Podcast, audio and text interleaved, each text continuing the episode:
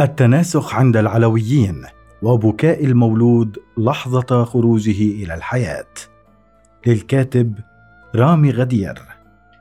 تؤمن الكثير من الديانات والطوائف مثل البوذية واليهودية والدرزية والعلوية وغيرها بتناسخ الأرواح ويرى العلويون أن تناسخ الأرواح هو إحدى أسمى تجليات العدالة الإلهية على الأرض ولديهم أكثر من رؤية لمفهوم هذه العدالة. على سبيل المثال يعتبرون أنه من الظلم ألا تمنح الروح أكثر من حياة لتفعل ما تشاء قبل أن يحاسبها الله ومع أن الله يعلم مسبقا الأرواح المؤمنة من الكافرة إلا إن حكمته وعدالته تقتضي على أن تحظى الروح بالعديد من الحياة قبل محاسبتها كي لا يكون لها حجة عليه. وبرأيهم من المستحيل أن تصعد الروح إلى الجنة أو تدخل النار بدون أن تكون قد تناسخت مئات أو آلاف المرات في الجسد الإنساني. والهدف من هذا التناسخ هو أن تقوم هذه الروح بواجباتها تجاه الله فتدخل الجنة أو تتقاعس فتدخل النار. وكل مرة تتقمص فيها الروح تسمى جيلا ويطلق على الشخص الذي يتذكر حياته الماضية اسم مجيل أي إن لديه حياة سابقة يتذكرها بحسب ما هو متعارف عليه ضمن الطائفة العلوية.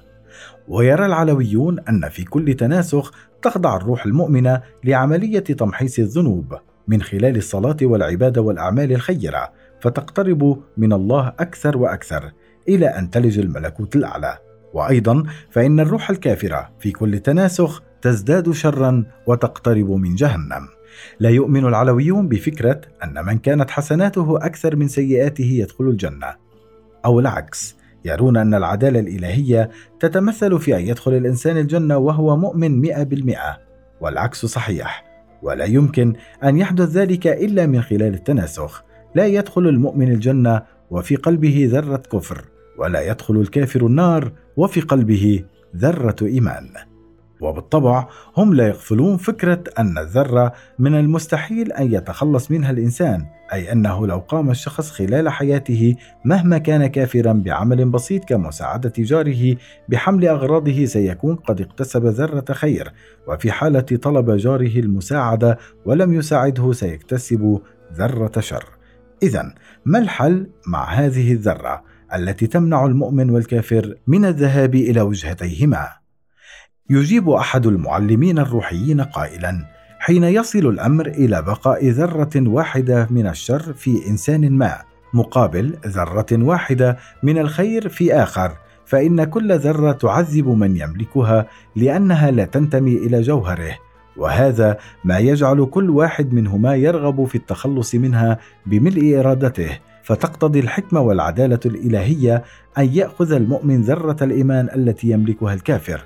ويأخذ الكافر ذرة الكفر التي يملكها المؤمن فيصعد الأول إلى الجنة ويهبط الثاني إلى جهنم. وبالطبع هنالك ست مراحل لكل روح يجب أن تمر بها قبل أن تصل إلى المرحلة السابعة والأخيرة حيث توجد الجنة للروح المؤمنة وجهنم للروح الكافرة. وللعلويين رؤيتان حول السؤال القائل هل تنتقل روح الميت بنفس اللحظة إلى جسد طفل أو طفلة ولدت للتو؟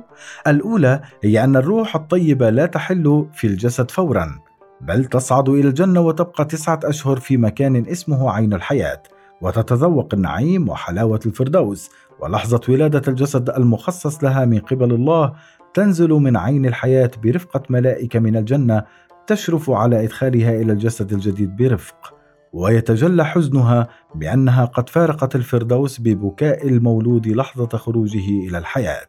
أما الروح الشريرة فتؤخذ إلى جهنم وتذوق العذاب وبعد تسعة أشهر تأخذها الملائكة من خزنة جهنم وتأمرها بأن تدخل جسد المولود فتشعر بالخوف من أن تكون قد انتقلت إلى مكان أكثر عذابا ويتجلى خوفها ببكاء المولود أيضا لحظة ولادته أما الرؤية الثانية فتقول إن الروح سواء كانت كافرة أو مؤمنة فإنها لحظة مفارقتها للجسد تسكن في جسد آخر ولد في نفس اللحظة.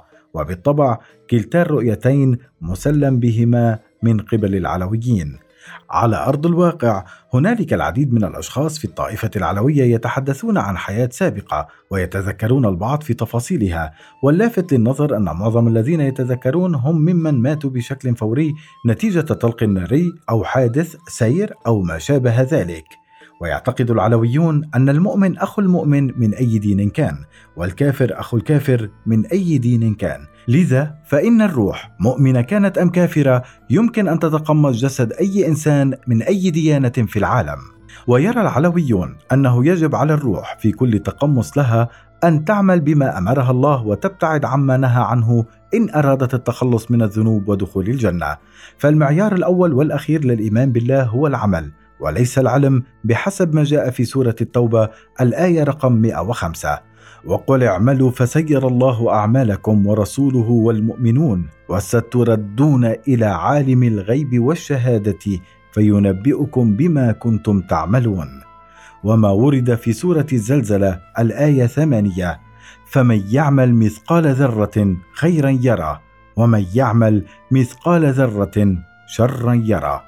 وبحسب رأيهم العلم بدون عمل صالح غير نافع. فكل العلوم والمعارف الدينية التي يملكها شخص ما إذا لم تترجم إلى سلوك وعمل صالح تكون حجة عليه لا معه. فالحجة على العارف وفي نفس الوقت هم لا يقللون من أهمية التعلم والحصول على المعرفة في كافة مجالات الحياة بل يشجعون على ذلك.